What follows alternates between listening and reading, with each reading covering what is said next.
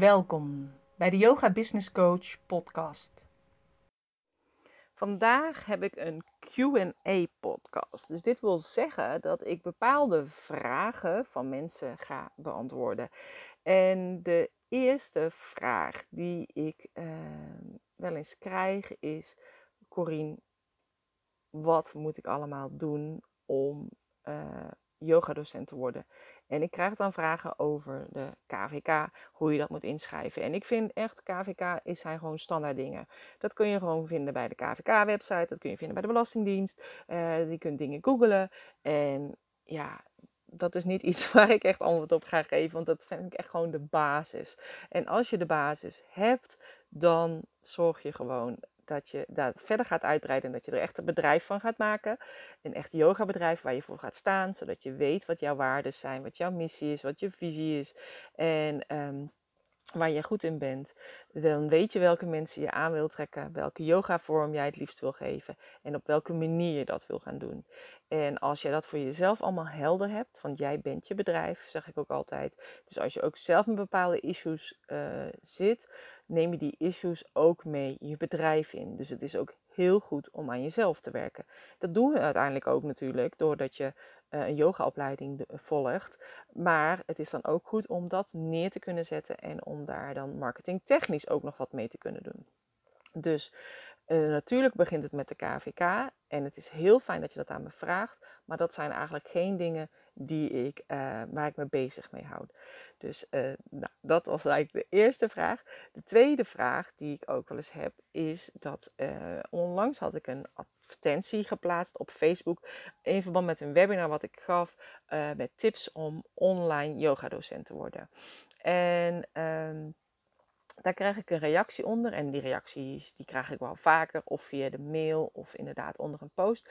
En uh, deze yogadocent zei: Als yogadocent vind ik het belangrijk om wel fysiek aanwezig te zijn bij mijn cursisten. Ik wil namelijk met ze in gesprek zijn, ik wil ze zien, ik wil ze aanraken. Het is geven en ontvangen van directe aandacht. Want dat is voor mij echt essentieel van belang tijdens een yogales. En ik zou mijn yogaruimte niet willen ruilen voor lessen geven via een schermpje en een online programma en daarmee meer les te kunnen geven om meer geld te genereren, staat voor mij haaks op wat yoga is. Want de praktijk leert dat hoe meer je online gaat, hoe minder tijd je overhoudt voor leuke dingen voor jezelf. Dus yogales geef je toch voor jezelf en het is toch leuk? Sorry, maar ik ben een authentieke yogadocent en moet het even kwijt. Mensen hebben in deze grootste tijd juist fysiek contact nodig. Namaste. En ik ben echt heel blij met haar reactie. Want zij is niet de enige die er zo over denkt. En uh, ik kan je dan ook vertellen wat mijn reactie is geweest. Want het was ook mijn overtuiging dat ik dacht: ik moet de mensen in mijn studio tegenover me hebben en ik moet ze kunnen aanraken. En dat lukt gewoon nooit online. Maar toen ik eenmaal begon en ik gaf mijn eerste challenge, kwam ik echt al snel tot de ontdekking dat ik dit wel kon overbrengen. Dus voor mijzelf het is altijd lastig oordelen als je iets zelf niet hebt ervaren. En inmiddels heb ik online yogales en geef ik echt aan leerlingen over de hele wereld. Want in hele kleine dorpjes in België is geen yogastudio. Maar ik heb ook een Nederlandse vrouw in Australië en uh, die graag een Nederlands les wil krijgen. Maar ik heb ook vrouwen die alleen zijn of alleenstaand zijn en geen oppas kunnen regelen, naast nog een keer een yogales. Dus daarom graag thuisles willen volgen. Er zijn vrouwen op zakenreis die yoga willen doen en mij mee willen nemen in een hotel. En, um, en het voordeel is, zeg maar, um, dat als ik een keer een live les geef, dan zitten ze soms gewoon twee uur in de auto, omdat ze dus die live les van mij willen volgen. En uh, ook voor mensen die bijvoorbeeld zichzelf te dik vinden, vinden het vervelend om daarom uh, naar een studio te gaan en doen dit liever thuis. Dus iedereen heeft zijn redenen waarom die gewoon graag online yogales wil doen. Dus een combinatie online en live is natuurlijk ook mogelijk. Het hoeft niet alleen online. En uh, dat ik al die mensen heb mogen bereiken, was niet mogelijk geweest als ik echt alleen maar was blijven lesgeven in mijn eigen studio. Dus gelukkig zijn er wel heel veel yogadocenten en kiezen de leerlingen altijd welke docent bij hen past en wat resoneert. En daarom geloof ik ook echt niet in concurrentie. Want ik ben juist zo dankbaar dat de mogelijkheid tot online yoga in mijn leven is gekomen. Want hierdoor heb ik juist nog meer leerlingen kunnen bereiken die ik anders gewoon niet had kunnen helpen. Dus voor ieder is wat wils. En voor de yogadocent die inderdaad zegt: ik wil ze aan kunnen raken, ik wil ze kunnen zien, ja, is dat ook gewoon helemaal prima. En ik deed gewoon de combinatie. En dat is ook prima. Weet je, alles is goed. Het is alleen dat online meer perspectieven biedt en je kan meer mensen bereiken.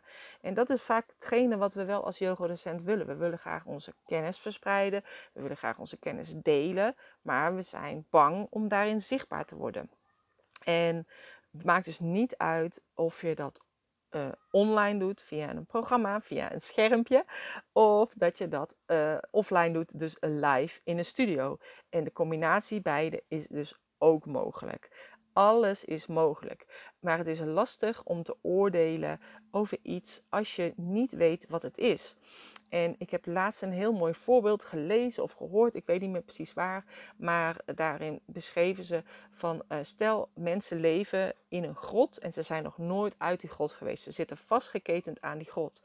Hoe kan je dan als één iemand zich weet los te maken en die gaat die grot uit en die komt buiten, die ziet de zon schijnen, die ziet gras, die ziet dieren lopen en die moet terug naar binnen. Hoe kan je omschrijven hoe het is daar waar het licht is, als je zelf niet eens het nooit, nooit hebt gezien. Dus hoe kan je het dan omschrijven? En hoe kunnen de mensen die in de grot zitten dan weten wat jij gezien hebt? Het is dus heel lastig te omschrijven. En dat is hetzelfde uh, met online ondernemen. Je, ik kan uitleggen hoe het is om online ondernemer te zijn. Ik kan uitleggen dat er heel veel mogelijkheden zijn. Dat het uh, heel prettig is, omdat dus heel veel meer mensen je kun je bereiken met jouw missie, met jouw kennis. Maar als je niet daar bent, weet je niet hoe het is. En dat is hetzelfde als dat mensen zeggen: ja, het is heel fijn om yoga te doen. En dan voel je dit en dan voel je dat. Maar vraag maar eens aan 20, 25 mensen hoe het voelt om in de, in de hondhouding te staan. Dan krijg je 25 verschillende antwoorden. Want iedereen zegt het op zijn eigen manier en iedereen beleeft het op zijn eigen manier. Maar als jij nog zelf nog nooit in de hondhouding hebt gestaan, kun je er geen voorstelling van maken. En dat is dus ook zo met het online ondernemen. En als iemand dus daarin een mening heeft van ja, het kan niet, dan is dat prima. Ik respecteer die mening. En als diegene de overtuiging is dat het niet kan, dat je niet die connectie kunt hebben met je leerlingen als in een studio, dan is dat goed. Het is ook mijn overtuiging geweest en ik weet inmiddels dat die overtuiging niet klopt. Want ik heb juist heel veel contact met mijn leerlingen. En natuurlijk is het niet live. Ik zie ze gewoon via de uh, Skype of via mail of via de Facebook. Uh, maar als ik een live dag organiseer en ik zie dan iedereen in het echt, dan voelt het wel alsof ik ze al jaren ken. Dus dat is eigenlijk uh, ja, hetgeen wat ik ook graag wilde zeggen. Een andere vraag uh, was naar aanleiding van het webinar wat ik had gegeven, waarin ik vertelde dat ik uh, van de trap was gevallen in juni 2015, mijn schouderblad brak en ik dus uh, ben gestart met mijn eerste coach. En de mail die ik daarop kreeg was: er is één ding dat mij is opgevallen uh, in jouw verhaal over hoe jij vanaf de bank jouw huidige bedrijf vormgaf. Het was in de trant van ik doe zo een cursus of ik investeer in dit of dat, vul hiervoor iets duurs in. En ik bedoel het niet negatief, maar jij deed dingen net uh, alsof jouw geld niet opkom. Dat is helaas niet mijn situatie. Ik zou zo graag bij voorbeeld terug willen trekken een week aan zee, terwijl ik een workshop volg en s'avonds van het strand kan genieten. Maar helaas, hier thuis komen we met moeite rond. En één ding wil ik daar echt wel in recht zetten. Want dat heb ik ook tegen die mevrouw gezegd. Uh, het is echt niet zo dat ik op de bank lag en ik in één keer al dat geld had. Want ik, wat ik ook vertel tijdens mijn webinar, ik heb echt wel meer dan 25.000 euro geïnvesteerd in coaching. Maar ga voor jezelf eens na hoeveel geld jij hebt geïnvesteerd in jouw yogaopleidingen. Dat is bij mij alles bij elkaar. Ik denk ook misschien wel 10, 12.000 euro geweest. Alleen al die kennis, die hield ik meer voor mezelf. En ik had mijn eigen studio en het liep hartstikke goed. En ik had heel veel leerlingen. Achteraf gezien was het een hobby, was het niet echt een bedrijf. Sinds dat ik met een coach in de arm heb genomen, ben ik echt een ondernemer geworden. En mijn allereerste coach was een investering van 6000 euro. En dat was echt best pittig, kan ik je vertellen. Maar ik heb het wel gedaan, want ik had het vertrouwen dat zij mij verder kon brengen. En dat heeft ze zeker gedaan. En ze heeft me, dat heeft me echt ja, meer dan verdubbeld, kan ik wel zeggen. Die investering is me echt dubbel en dwars waard geweest. Uh, vanuit het geld wat ik heb verdiend, heb ik weer geïnvesteerd in een andere coach die mij weer nieuwe dingen heeft geleerd. En zo ben ik eigenlijk elke keer verder gegaan. Dus ik had echt niet toen ik in juni 2015 op de bank lag in één keer 25.000 euro om dat allemaal uit te geven. Nee, het is langzaam aangegaan. Net zoals dat mijn studio langzaamaan is gaan groeien. Eerst begon ik met boeken kopen, uh, de opleidingen doen. Dan ging ik investeren in uh, duurdere matjes. Eerst had ik hele goedkope matjes, duurdere, betere matten. Toen kwamen daar meditatiekussens bij, dekentjes. En elke keer gaandeweg kocht ik meer dingen voor mijn studio. Fietsenbankjes, nou, noem maar maar op. En uh, op een gegeven moment dacht ik, ja, ik wil ook graag online. En dat is mijn eerste investering geweest. En elke coach leer ik wel iets van. Iedere coach die heeft een bepaalde kijk ergens op. En waar ik op dat moment behoefte aan heb, waar ik op dat moment denk, daar wil ik meer over weten. En dan schakel ik gewoon die coach in. En daar hoort natuurlijk inderdaad heel veel geld bij. Maar ik weet ook dat hetzelfde als met een yogaopleiding.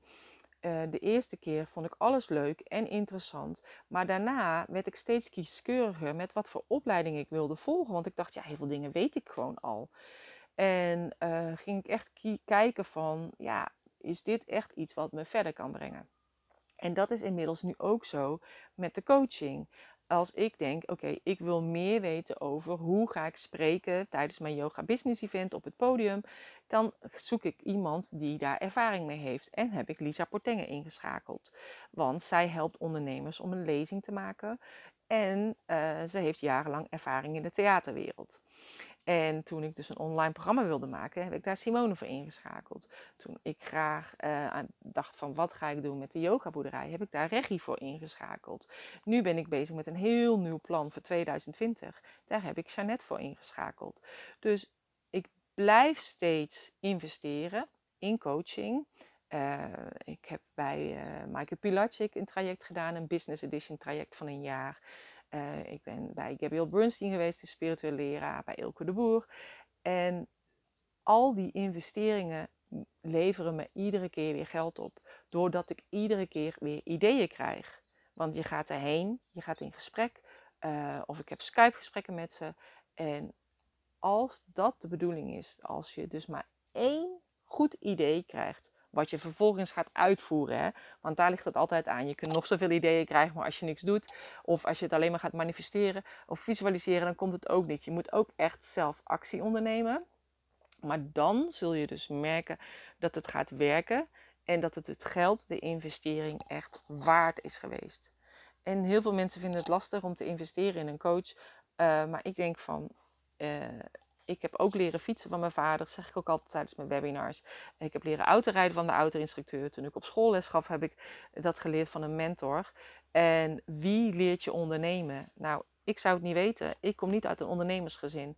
En ik vind het dan daarom ook heel fijn om een ondernemerscoach te hebben, een businesscoach te hebben, die al daar is waar ik naartoe wil. En zodat diegene mij daarmee verder kan helpen. En zolang het me uiteindelijk de investering uiteindelijk ook oplevert. Qua persoonlijke kennis, qua ontwikkeling, qua meer vrijheid, uh, financiële vrijheid, waardoor ik ook andere uh, uh, ondernemers weer kan helpen. Want ik heb inmiddels een heel team om me heen. Ehm, ja, is het alleen maar goed, denk ik. Want daarmee doen we alleen maar iets goeds voor de wereld. Maar je moet altijd wel dicht bij jezelf blijven. Dus ik vind het echt heel fijn als ik dit soort mailtjes krijg, eh, ook met een kritische noot. Want dat is ook wel waarom ik weer denk van ja, wat is de reden waarom ik het doe? En uh, die reden is gewoon omdat ik zelf altijd heel druk was in mijn hoofd en ik graag um, zoveel mogelijk leerlingen wilde bereiken. Dat is ook de reden waarom ik online yoga ben gaan geven. Maar ik weet ook dat niet elke leerling is mijn leerling. En um, niet elke docent is jouw docent. En doordat ik met mijn kennis andere yogadocenten kan helpen die op hun beurt weer uh, andere yogaleerlingen kunnen helpen, kan ik toch indirect al die mensen helpen aan meer balans en rust in hun leven. Dus dat is eigenlijk uh, waar het voor mij om draait en op wat voor manier. En uh, ik ben alleen maar blij dat ik daaraan bij kan dragen. En ik ben dus ook blij en dankbaar dat ik dit soort mailtjes krijg om me ook scherp te houden in uh, wat mijn doel is, waarom ik het doe. Maar ik vind het wel heel fijn ook om uit te leggen uh, dat het bij mij ook niet is aankomen waaien en dat ik dat geld op dat moment ook niet had. Maar geld moet groeien. En net als dat je kennis groeit, uh, hè, zelfs als je nu een yogales pakt uit je map van twee jaar geleden, dan zou je hem niet meer precies op diezelfde manier doen als twee jaar, want je bent inmiddels ontwikkeld. Dus je gaat die les dan op een andere manier vormgeven. En dat is ook zo met je bedrijf. Je blijft zelf groeien, ontwikkelen en je bedrijf blijft ook groeien en uh, verder ontwikkelen. Nou, ik wens je een hele fijne dag. En mocht je uh, gratis workshops van me willen volgen, gratis videolessen, uh, check dan www.deyogabusinesscoach.nl slash gratis. En daar vind je diverse gratis video's die je kunt downloaden met werkboeken, zodat je al aan het werk kunt gaan.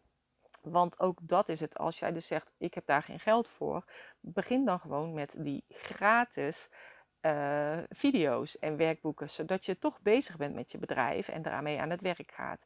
Luister mijn podcast, lees mijn blogartikelen en op die manier ga je ontwikkelen. En op een gegeven moment gaat zich dat renderen en met dat geld kun je eventueel investeren in de online training van bijbaan naar bedrijf uh, of van yogadocent naar online yogadocent. Dus er is niet, je hoeft niet alleen per se een betaalprogramma bij me af te nemen. Je kunt ook heel veel gratis dingen bij me afnemen, uh, wat jou ook zeker kan helpen met jouw ontwikkeling. Ik wens je een hele fijne dag en dus uh, mocht je er interesse in hebben, www.deyogabusinesscoach.nl slash gratis. En mocht je wat gehad hebben aan deze podcast, deel hem dan met jouw volgers. Maak eventueel een screenshot of plaats hem in je stories. En geef het eventueel een like. En dankjewel voor het luisteren. Graag tot de volgende keer.